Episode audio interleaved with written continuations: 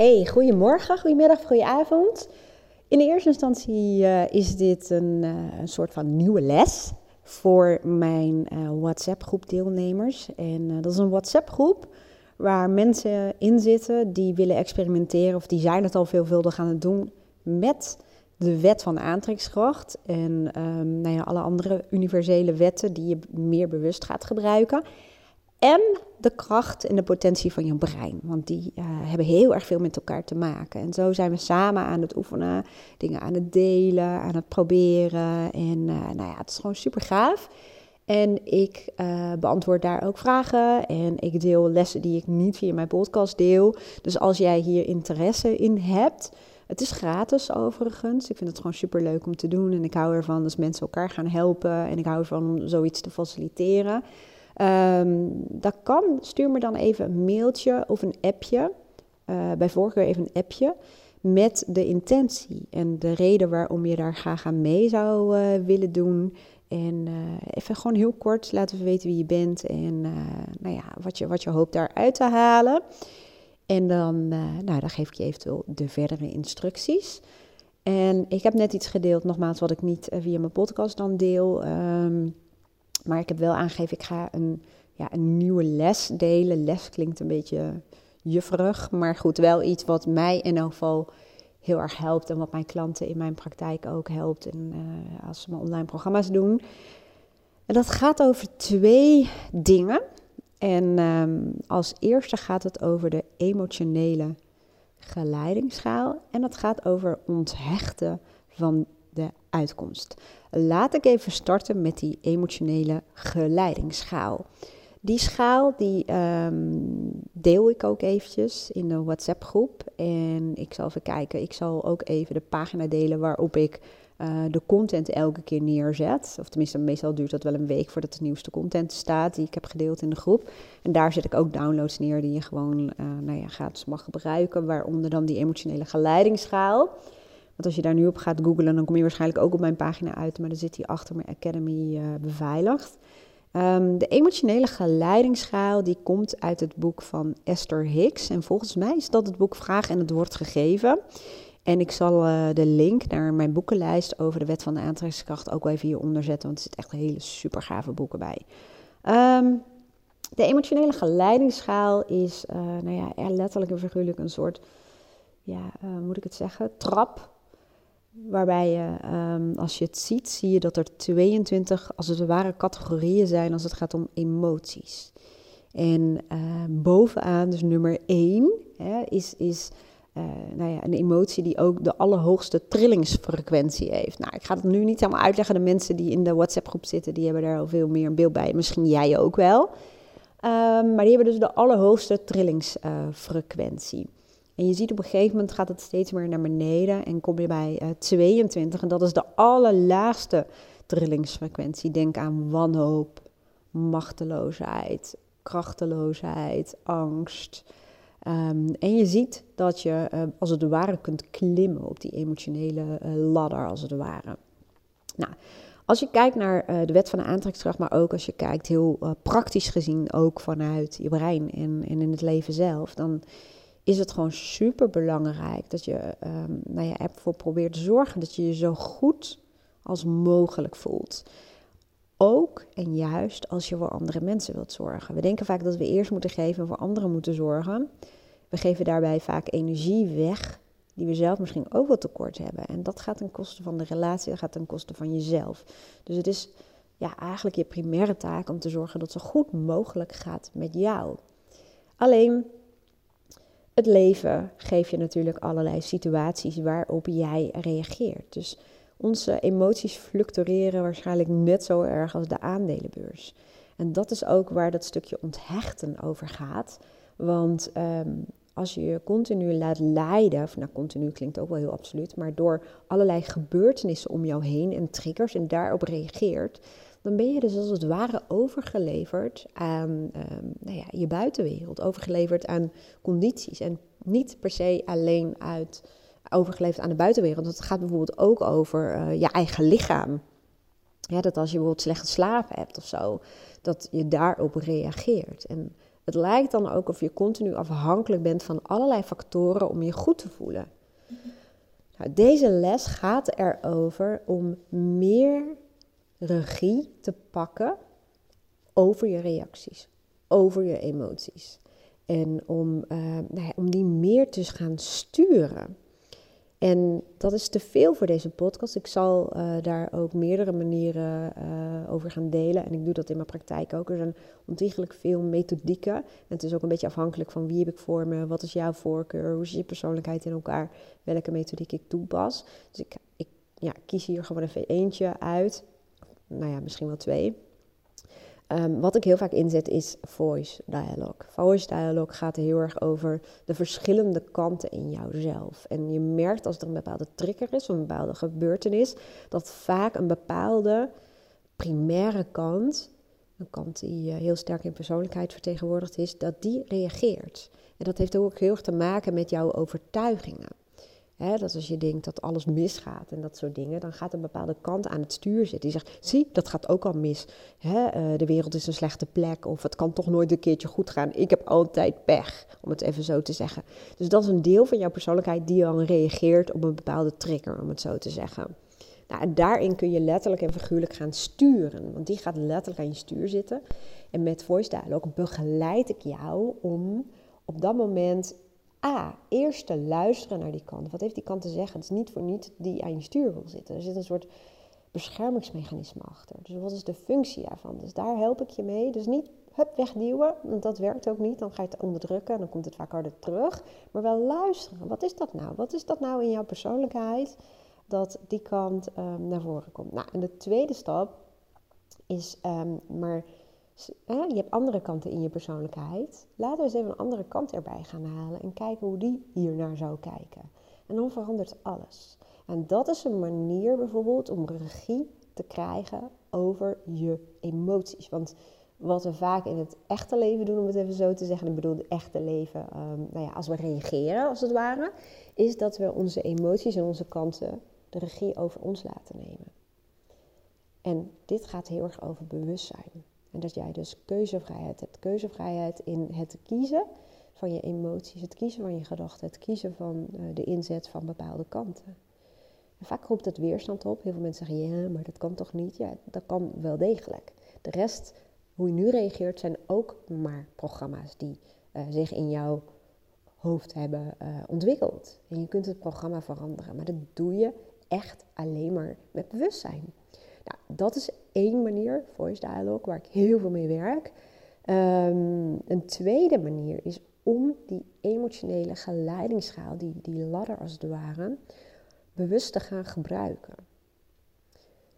En wat bedoel ik daarmee? Dan moet ik eigenlijk even naar mijn praktijk lopen om die uh, schaal er even bij te pakken. Want dan kan ik even wat voorbeelden uh, geven. Nou, ik, ik begin alvast met praten, ondertussen hoor je me waarschijnlijk lopen. Een voorbeeld is bijvoorbeeld mensen die depressief zijn of die in een dip zitten of uh, de neiging hebben om, uh, ja, zwaarmoedig is ook maar een label, hè, maar, maar ja, zwaar naar zaken te kijken. Um, wat je vaak ziet is dat als zij als het ware aan het genezen zijn, genezen klinkt alsof je dan ziek bent, hè, maar dat bedoel ik eigenlijk helemaal niet. Uh, uit de depressie komen, of hoe je het ook wil noemen, zie je vaak dat het heel vaak gaat via, ik noem het vaak het station boosheid. Alleen de pest van boosheid is dat de boosheid door je omgeving vaak niet wordt geaccepteerd. Sterker nog, mensen uh, proberen dat vaak te onderdrukken. Dat is vaak vanuit hun eigen ongemakkelijkheid. Net als dat is als mensen verdrietig zijn, dan willen mensen ook troosten, wat natuurlijk super lief en fijn is.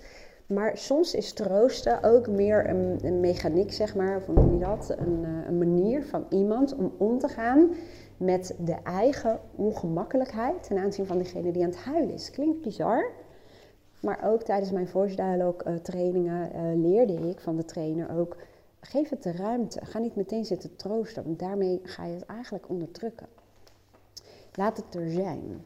En um, je merkt ook vaak dat iemand, uh, als die er ruimte ervoor krijgt, als het er mag zijn, uh, je hebt daar aandacht voor, of dat nou verdriet is of dat nou boosheid is, dan zie je vaak dat iemand als het ware daarna stijgt op die emotionele uh, ladder. Ik zeg ook heel vaak, boosheid is regie. Boosheid heeft een bepaalde macht en een bepaalde kracht. En dat gaat weer een beetje over zelfbeschikking. Hè? Over in opstand komen, in actie komen. Goed, ik heb inmiddels de schaal erbij. En um, ik pakte hem er ook bij, omdat uh, iemand laatst zei: Ja, maar ik um, demp mijn gevoelens vaak door uh, ja, middelenmisbruik, noemen ze dat zo mooi. En middelenmisbruik, we denken dan vaak aan alcohol of aan drugs, maar uh, dat kan ook een, een soort koopverslaving of koopdrang zijn. Of om bezig te zijn, altijd maar bezig te zijn of jezelf af te leiden. Dat kan een manier zijn om een bepaalde emotie of kant van jou te dempen, te onderdrukken.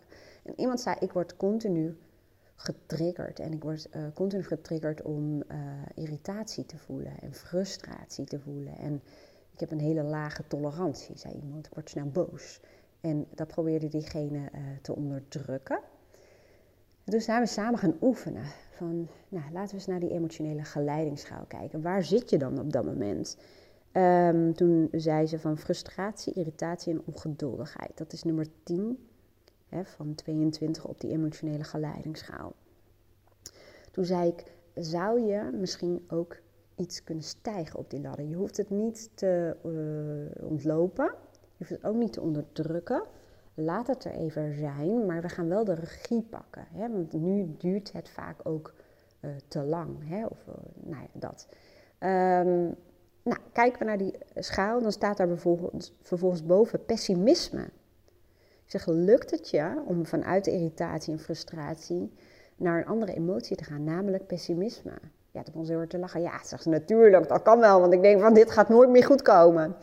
Oké, ik zeg, nou prima, zo ben je al gestegen op die emotionele ladder. Want het gaat er niet om dat je vanuit irritatie naar enthousiasme en vreugde en liefde en waardering moet gaan. Nee, het heet niet voor niets een geleidingsschaal. Het is net als temperatuur. Temperatuur is ook een, uh, nou ja, ik weet even het woord niet, maakt niet temperatuur. Een temperatuur heeft ook een, ja, moet ik het zeggen, als je dat gaat duiden, dan heb je te maken met gradaties. Hè? Gradaties in temperatuur. En vaak zie je ook als je je thermostaat omhoog gooit en je verwarming uh, opstookt, dan gaat dat in een opbouw. Dan gaat dat per uh, hoe zeg je dat, um, per graad. Dus dat is ook een soort van emotionele geleidingsschaal waarbij je afkoelt of opwarmt. En zo kun je bij wijze van spreken ook naar je emoties kijken. En als je een verwarming aanzet, zal die over het algemeen, voor zover ik weet, niet van 15 graden meteen naar 22 gaan bijvoorbeeld. Ik noem maar even wat. Er zit een geleiding in. En als je kijkt naar die emotionele geleidingsschaal, wil het niet zeggen dat je elk stapje hoeft te zetten dat is helemaal niet nodig. Want er staat bijvoorbeeld op een gegeven moment ook bij 21 onveiligheid, schuld, minderwaardigheidsgevoelens. En de volgende stap is jaloezie. Maar sommige mensen, ik heb dat bijvoorbeeld ook, ik, ik ken dat wel, maar ik, ja, ik heb dat bijna nooit. En dan ga je kijken naar de stap daarboven, haat of woede. Nou, woede voel ik wel eens, maar haat, hmm, nee. Wraak staat daarboven. Hmm, hmm, ja, nee, dat, dat, dat, ja, dat is een kant van mij die zit echt uh, achter in mijn bus, zeg maar. Maar boosheid zit daarboven, ja, die ken ik wel. Nou, en zo ga je eigenlijk om met die emotionele geleidingsgaan. Wat ik bedoel met ermee omgaan. Even terug naar diegene die die irritatie en frustratie voelde. Uh, nou, pessimisme kon ze voelen. Toen zei ik, zullen eens kijken of je misschien nog iets hoger op uh, de ladder kunt klimmen op dat moment. Nou, daarboven staat bijvoorbeeld verveling. En toen zei ze ook iets magisch eigenlijk. Ze zegt, ja, die lijkt misschien niet logisch. Maar ik denk wel dat die heel erg daarmee te maken heeft. Want ze zeggen, ik voel ook een soort onrust in mij. En ik zeg ook heel vaak, onrust is energie die geleid wil worden. Als energie um, ergens ingestopt wordt, of het, het wordt begeleid, geleid, hoe je het ook wil noemen, dan transformeert het naar een ja, dienende energie. Maar als er geen, als het ware, uitlaatklep is of geen richting, voelen mensen het vaak als onrust. En dan is het een energie die helemaal niet dienend is, die vaak gewoon ook heel vervelend voelt. En in één keer plaatste ze dit in de context van, ja, nu heb ik dus heel erg die onrust, maar ik heb gewoon nog niet heel duidelijk een richting. En nu manifesteert uh, dit zich dus vaak in irritatie en dergelijke. Zo verkreeg ze een steeds hoger bewustzijn over um, nou ja, een bepaald patroon. En waarom zeg ik patroon? Omdat ze zei ook van, uh, dat ze snel getriggerd werd. Snel door allerlei andere mensen eigenlijk. En, en, en van allerlei uh, gebeurtenissen. En dat het patroon was dat ze zo reageerde. Dat ze zei van, uh, ik heb gewoon een lage frustratiegrens of tolerantie, of hoe noem je het. En in één keer besefte ze door deze ladder te doorlopen van, ja, maar dit gaat heel erg over richting, energie. Nou, we gingen verder kijken van, ik zei, kun je dan op dit moment of dat moment ook tevredenheid voelen? Nou, dat had ze even niet. Nou, dat is prima. Dan ga je zo kijken of je misschien een emotie uh, ziet die daarboven staat, hoop. Hè, van, kun je die voelen? Ja, hoop had ze wel. Ik zeg, nou gaan we nog verder kijken, kun je ook optimisme voelen? Ja, dat ook. Ze zegt, als ik wel richting zou hebben en als ik uh, me bewust word van het patroon en inderdaad meer de regie kan hebben over A, hoe wil ik reageren?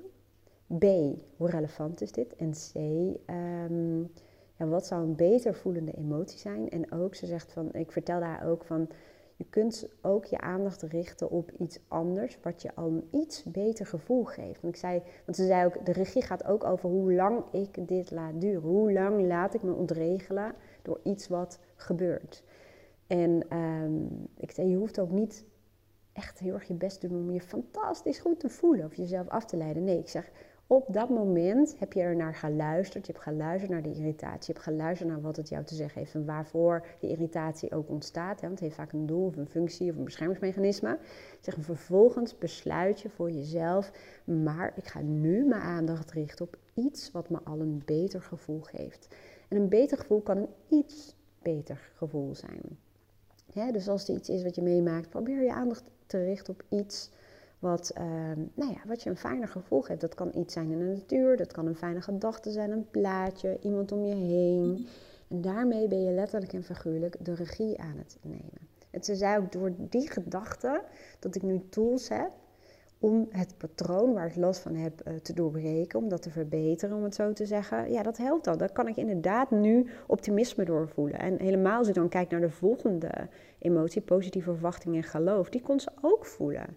En op een gegeven moment dan is de volgende emotie enthousiasme, gretigheid en geluk. Ze zeggen, ik kan ook met recht enthousiast worden, omdat ik voel dat er mogelijkheden zijn. En dat ik voel um, dat er oplossingen hiervoor zijn. En dat ik nu het bewustzijn heb, het inzicht. En dit, dit is simpelweg maar één, um, ja, moet ik het zeggen, uh, voorbeeld van de velen hoe je bewust kunt werken met het verhogen van je emoties en gevoelens, maar vooral ook over um, bewust keuzes maken in plaats van dat de emoties jou regeren. En heel veel mensen denken dat het enorm lastig is, omdat ze bijvoorbeeld kijken naar angst. Hè. Angst is een, uh, trouwens staat nummer 22, echt de allerlaagste uh, vibratie heeft dat ook. En angst kan je volledig overnemen. En toch kun je het leren om angst um, als het ware achter je stuur vandaan te halen. Om er eerst naar te luisteren en om uh, nou, te kijken wat zijn de behoeften en om omhoog te kruipen op die ladder. Want als je kijkt naar angst bijvoorbeeld, dan zit daarboven bijvoorbeeld gevoelens van onveiligheid, schuld of minderwaardigheid. Nou, je kunt ook kijken, heel vaak hebben mensen ook het gevoel dat ze onveilig zijn. Hè? Dus, dus dan ga je al een stukje klimmen op die emotionele geleidingsschaal. Goed, dit is een manier wat ik ook heel vaak inzet bij mezelf, bij mijn klanten, is de happy list. De happy list is een lijst, uh, een, uh, niet een statische lijst, want je kunt er ook weer wat bij zetten, van dingen die jou een goed gevoel geven. En het klinkt stom, want je denkt, ja, maar dat weet ik toch wel. Nou, het gaat erom dat je op het moment dat je het nodig hebt, op het moment dat je voelt, ik heb, ja, ik heb het nodig om even mijn aandacht op iets anders te richten of om iets beter te voelen, dan kan het helpen om die happy list als het ware te openen op je telefoon of waar dan ook. En uh, nou ja, om iets te doen wat op die lijst staat. En bij mij staan er dingen op, serieus, als schoonmaken en opruimen. Daar kan ik echt van genieten, vind ik heerlijk. En uh, even de ramen wassen, of de stoep vegen, of uh, muziek opzetten. Dat is voor mij ook een hele goeie. Of de auto instappen, muziekje opzetten en een stukje gaan rijden. Of even iemand opzoeken, of iemand bellen, of een boek lezen, of een serie kijken, of whatever. Of even de natuur ingaan, of, uh, of de katten aaien. Het gaat erom, op het moment dat je voelt, ik voel me heel erg fijn, ik voel me super fijn. Dat is ook het moment waarop je bijvoorbeeld je happy list kan bijwerken. Omdat er vaak iets is wat jij doet waarom je je zo goed voelt. En heel vaak gaat het over gedachten, maar soms helpt een activiteit daar ook bij. Oké, dit gaat over de emotionele geleidingsschaal. Ik hoop dat je een klein beetje context hebt, een klein beetje begrijpt van, uh, oh ja, hier kun je, uh, zo kun je dus mee werken. Er zijn natuurlijk nog zoveel andere mogelijkheden en het is ook best persoonlijk wat goed bij jou past. Um, nou ja, dat kan ik niet in één podcast delen. Um, en uh, nogmaals, uh, dat is ook lastig omdat ik jou niet ken. Dus als je wil ja, kijken wat, wat uh, kunnen we daar meer mee doen, dan zou ik zeggen neem even contact op. Maar nu ga ik verder met het stukje onthechten. En onthechten, waarom doe ik dat in dezelfde podcast? Omdat het ook heel erg gaat over eh, emoties hebben en reageren op. Wat wij als mensen doen, is vaak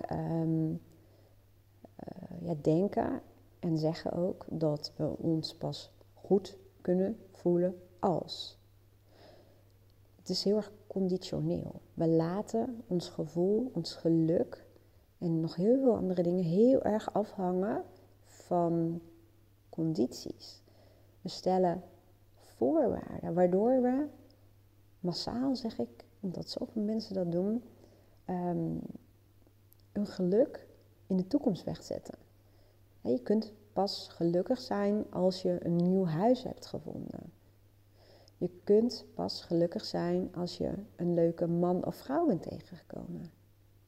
Je kunt pas gelukkig zijn als corona voorbij is en je kunt weer allerlei dingen doen.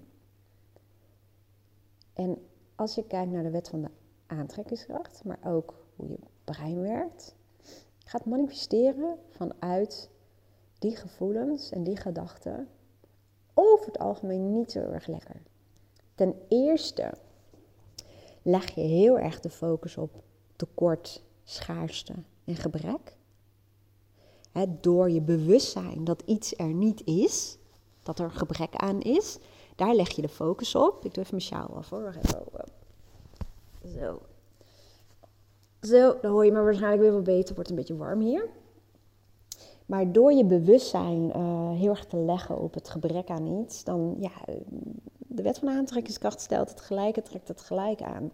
Dus die dominante gedachten van jou, die trekken over het algemeen soortgelijke situaties aan. Je krijgt vaak nog meer bewijzen van uh, dat het er niet is. Bijvoorbeeld, heel veel mensen willen nu een huis kopen.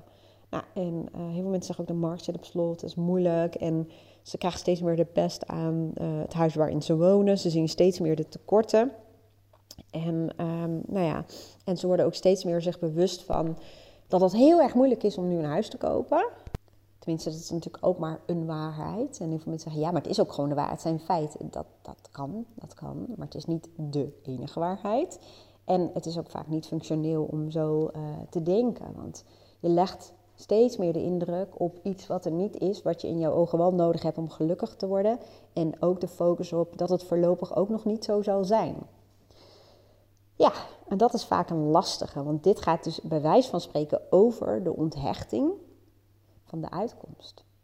Ja, en die vond ik zelf ook wel uh, heel moeilijk. En ik zeg, godzijdank, vond, want ik heb dat steeds meer geleerd. En uh, ik kan wel even een voorbeeld geven als we het hebben over het huis. Wij woonden hiervoor, we wonen nu in het bos, echt een hele mooie plek. En nou, elke dag zijn we ook echt dankbaar daarvoor. En uh, ja, het is gewoon fantastisch, heerlijk hier. Het is echt gewoon, ja, niet te geloven. We doen de deur open en we zitten in het bos. Dus dat, is echt, dat was ook echt een groot verlangen van ons. Maar we hebben daar serieus acht jaar over gedaan. Nou, als we in die acht jaar uh, voor onszelf hadden bepaald dat we alleen maar gelukkig klinkt een beetje absoluut, hè, maar gelukkig zouden kunnen zijn als we een nieuw huis zouden krijgen. ja, dan hadden we acht jaar van ons leven, uh, nou ja, als het waren een soort van verloren. Klinkt een beetje hard, maar um, het, het, nou ja, draagt niet heel erg bij aan je geluk en aan je, aan je levenskwaliteit. Nou, wat, wat we hebben gedaan, wat we allebei eigenlijk uh, getraind hebben, want we zaten hiervoor in een uh, huurhuis. Ik had mijn huis verkocht en we gingen tijdelijk naar zo'n huurhuis. We dachten na een paar maanden, dat werd vier jaar. Um, ja, en, en nou ja, het, het, het, was een fijn huis, maar we zagen op een gegeven moment ook, ja, de tuin is klein, we willen een grotere tuin, we willen gewoon meer rust en we willen dat en we willen dat. Dus we hadden helemaal ideaalbeeld geschetst van ons ideale huis, ons droomhuis. Nou, dat is ook godzijdank waarheid geworden. Maar um, we hebben ook wel in uh, periodes gezeten waarin we ons heel erg bewust waren van nou, dat het er nog niet was dat het er niet was. En we waren daarmee bezig en veel huizen bekeken en elke keer was er wat. En um, dat werkt niet. Dat, dat, en uiteindelijk hebben wij een soort van uh, verandering doorgevoerd door heel erg te gaan kijken en voelen van wat kunnen we nu al waarderen aan dit huis waarin we wonen. En we hebben ook serieus de tuin hebben we gewoon. Ik heb echt, ook al is het een huurhuis, ik heb, we hebben gigantisch veel geld uitgegeven aan allerlei planten en dingen en groen en heerlijk gezellig maken. En uh, ik ben uh, opnieuw alles binnen gaan schilderen. En we hebben er gewoon een heerlijke, fijne plek van gemaakt. En we zijn heel erg ook gaan zitten op de waardering van wat er toen allemaal was en wat we zo waardeerden aan het huis. En uh, we zijn toen ook, we zeiden we willen heel graag uh, lekker in het bos en veel buiten zijn. We zijn dat op een gegeven moment ook meer gaan doen binnen de mogelijkheden die we toen hadden. En um, dat heeft twee voordelen. Als je kijkt naar de wet van de aantrekkingskracht, dan zit je meer in de overvloedsgedachte. En dan uh, krijg je meer van hetzelfde. En we kregen ook steeds meer van, uh, nou ja, uh, hoe moet ik het zeggen? We waren aan het genieten van het buiten zijn. En daardoor krijgt het universum in je brein ook steeds signalen. Oh, dit is wat ze gelukkig maakt. Dit is wat bij ze past. Hier zijn ze blij mee. Dus dan krijg je meer van hetzelfde. We gingen ook serieus veel meer wandelen. We gingen veel vaker buiten zitten. We gingen veel vaker in de tuin bezig zijn. En op pad en gewoon lekker van de natuur genieten. Ook al was dat niet rechtstreeks altijd beschikbaar om ons huis, om het zo te zeggen. Maar ook in het kleine tuintje wat we hadden, konden we genieten. Dan ging ik gewoon heerlijk zitten met mijn blote voeten op de tegels en in het gras. En ja, dan merk je dat het zich als het ware uitbreidt. Dan zit je ook in een heel andere uh, nou ja, emotie, om het zo te zeggen. En uh, nou zo hebben we dat met meer dingen gedaan. En dan merk je gewoon, je geniet veel meer van wat er op dat moment is. Je bent dankbaar, je spreekt je waardering uit, dus je bent op dat moment al gelukkig.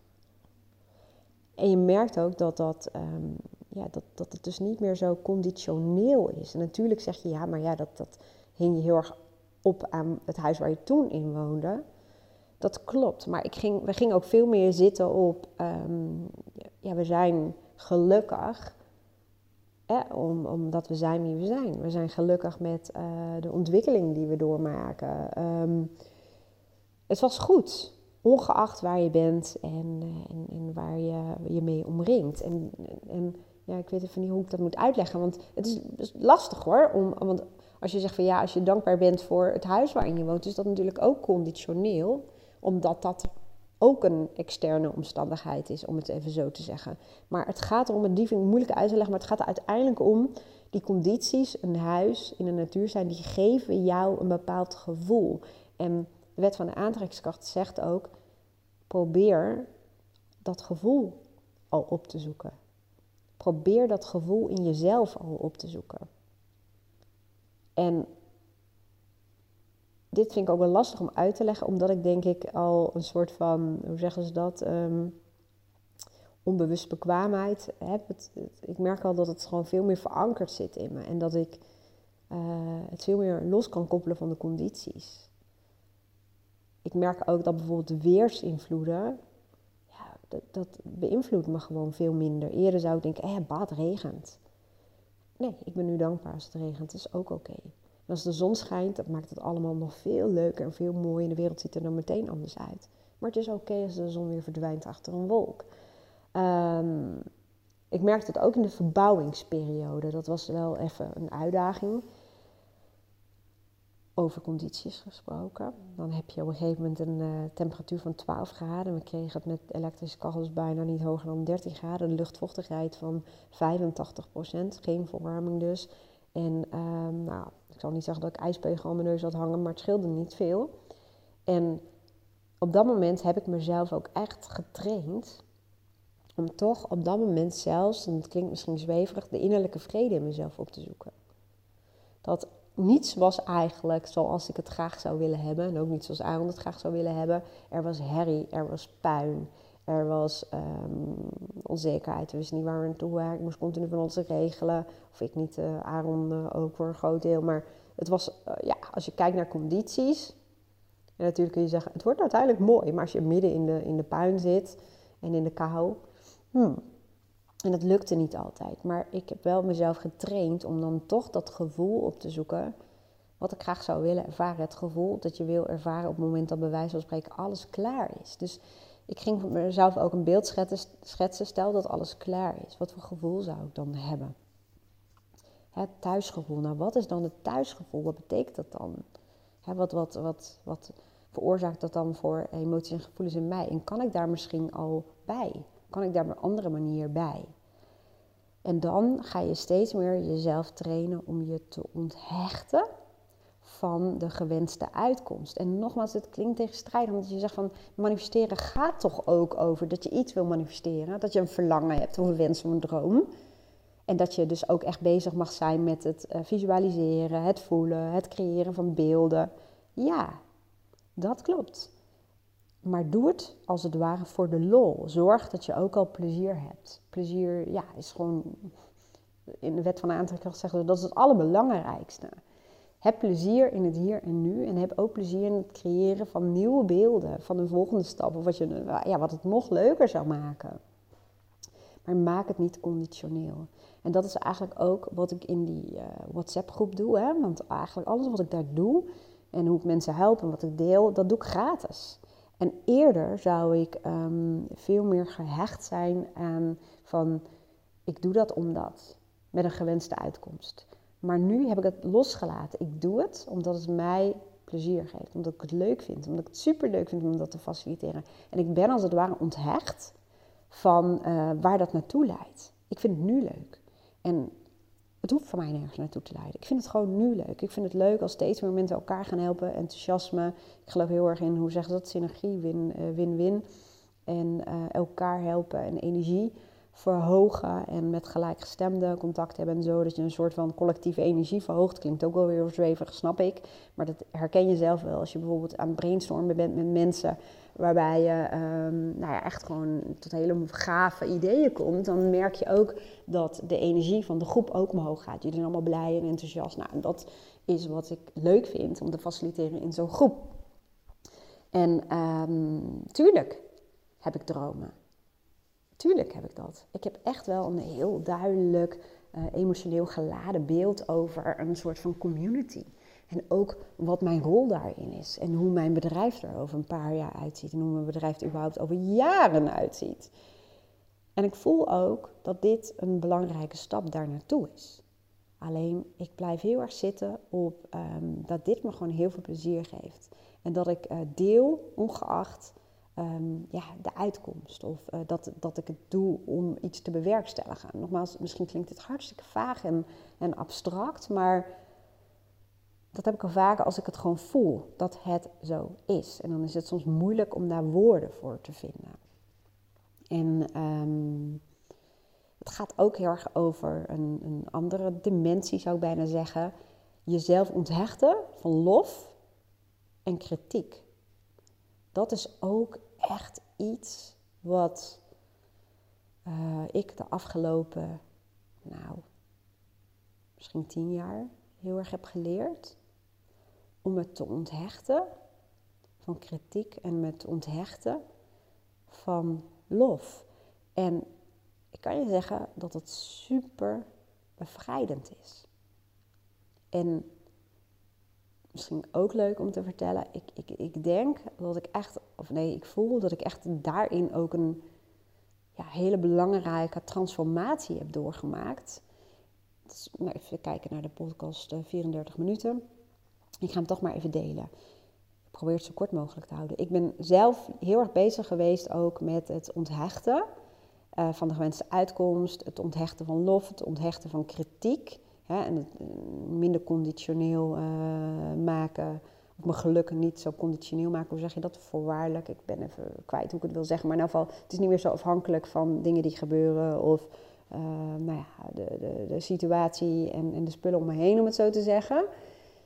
Het klinkt heel vaag, maar ik heb het meer in mezelf gezocht. En op een gegeven moment, dat doet ons brein ook, ons, ons ego, om het zo te zeggen. Ik merkte de afgelopen weken dat ik um, ja, zo makkelijk me kon onthechten van uh, dingen die mensen over mij zeiden. Uh, of dat nou juist heel positief was of helemaal niet, hè, kritiek. Of een beetje lacherig uh, deden over dingen. Vooral over de wet van aantrekkracht en, en in de familie en, en mensen om me heen. En um, ik merkte op een gegeven moment, hé, hey, ik hoor het wel, maar het is oké. En met meer dingen. Dat ik gewoon, ja, de innerlijke vrede klinkt nog weer zo, oh, halleluja, maar wel, het was oké. Het was oké. En ik merkte dat met ook grootste dingen. Dat ik echt aan het onthechten was. En dat was op dat moment, merkte ik ook in mij weerstand en angst. Angst zelfs zodanig, de angst om dood te gaan. Zo van alsof um, ja, angst, een persoonlijkheidskant als het ware, uh, zei van nou, als je onthecht bent, of als het je allemaal niks meer kan schelen, kun je net zo goed doodgaan. Want dan heb je geen lessen meer te leren. Dat is ook een overtuiging, hè? dat je hier lessen hebt te leren. En als je geen lessen meer te leren hebt, dan ga je dood. Dat is gewoon een overtuiging. En doordat ik dus steeds meer onthecht aan het raken was, um, leefde die overtuiging op. En ging mijn brein, mijn, mijn persoonlijkheidskanten, die, die, kwamen in de weerstand. Mijn angst, die dacht, oh mijn god, ze wordt onthecht, zometeen zijn er geen lessen meer te leren. En dan ga je dood.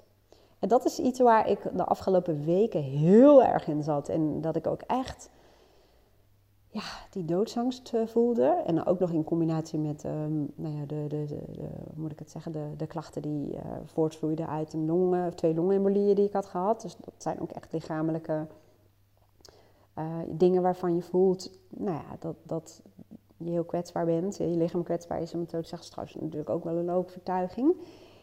Maar dat zie je vaak, dat wil ik je ook meegeven, want het is natuurlijk een reden waarom ik dit met je deel. Van als je een, groei doormaakt, of als je een verandering doorvoert, um, of zelfs een transformatie, wat er dan vaak gebeurt, is dat er enorme weerstand opkomt. En weerstand kan zich uiten in twijfel, in angst, um, in, in, in uh, overweldigd voelen of juist helemaal los voelen van alles. Uh, het zijn allerlei manieren waarop die weerstand zich kan voordoen. En dat is eigenlijk bijna altijd een teken. Ik zeg ook vaak, hoe groter de weerstand, hoe groter de groei. Dat is altijd een soort van teken dat je in een verandering zit, of verandering aan het doormaken bent, of nogmaals zelfs een soort van transformatie. En het brein wil ons het liefst houden in het oude vertrouwde. En die zal ook alles op alles zetten om ons daar weer naartoe te bewegen. En dat was waar ik uh, de afgelopen weken heel erg in zat. En door bewustzijn, bewustzijn dat het gewoon uh, nou ja, vaak zo werkt. En uh, ja, door uh, ook af te stemmen op ja, hoe, hoe, hoe wil ik me hierbij voelen. Um, ja, dat heeft me heel erg geholpen. Maar ik heb echt even een moment gehad dat ik een soort van even aan het dolen was. En dolen bedoel ik mee. Er was even een paar dagen dat ik ook even niet meer contact kon maken met een volgende stap. Of met een verlangen of een wens in de toekomst. Omdat het zo oké was waar ik was. En dat voelde zo raar. Want ik voelde op dat moment ook even niet meer de drang of de drijf om, uh, om, om, om bezig te zijn of te ontwikkelen, om het zo te zeggen. En dat was denk ik wel een soort van shift die ik doormaakte om me echt even te kunnen onthechten. En daarna opnieuw ja, een nieuwe staat van zijn. Klinkt gek, hè? maar nieuw misschien bewustzijnsniveau of zo te hebben bereikt. Of uh, nou ja, een andere manier van kijken naar zaken. Dus kortom, er heeft een transformatie plaatsgevonden. Nou, uiteindelijk uh, eh, 40 minuten zijn we bijna. Het is best wel een lange podcast, maar uh, dat komt ook. Uh, we hebben eigenlijk ja, drie onderwerpen aangetikt. Hè? De, de, de regie nemen over je emoties en je persoonlijkheidskanten versus dat je reageert, een reactief leven leidt hè? versus proactiviteit. Ehm, we hebben het gehad over onthechten. Onthechten van de gewenste uitkomst, onthechten van uh, condities van dingen om je heen, dat je je geluk voorwaardelijk maakt. Ehm, en tot slot hebben we het gehad over veranderen en transformeren en over de weerstand die je daarbij kunt, uh, nou ja, kunt ontmoeten of kunt ervaren. Nou, ik hoop dat je hier wat aan had. Hè, het kan maar zo zijn dat het allerlei dingen bij je oproept. Of misschien heb je wel bepaalde inzichten. Ik zou het leuk vinden als je met me deelt. Je kunt ook uh, bij mijn podcast vragen stellen. Of even je inzichten met me delen. Ook superleuk als je mijn podcast wil beoordelen. Daar ben ik altijd heel erg blij mee. Ja, nou, en luister je dit in de Wet van de Aantrekkingskrachtgroep en uh, de kracht van het brein, dan uh, nou, laten we weten hoe jij hierin staat, hoe jij naar kijkt. Misschien herken je dingen, misschien heb je er vragen over. En dan gaan we samen weer verder. Hey, dankjewel voor het luisteren naar deze podcast. Ik wens je een hele fijne en mooie dag. En tot de volgende keer. Doei doei!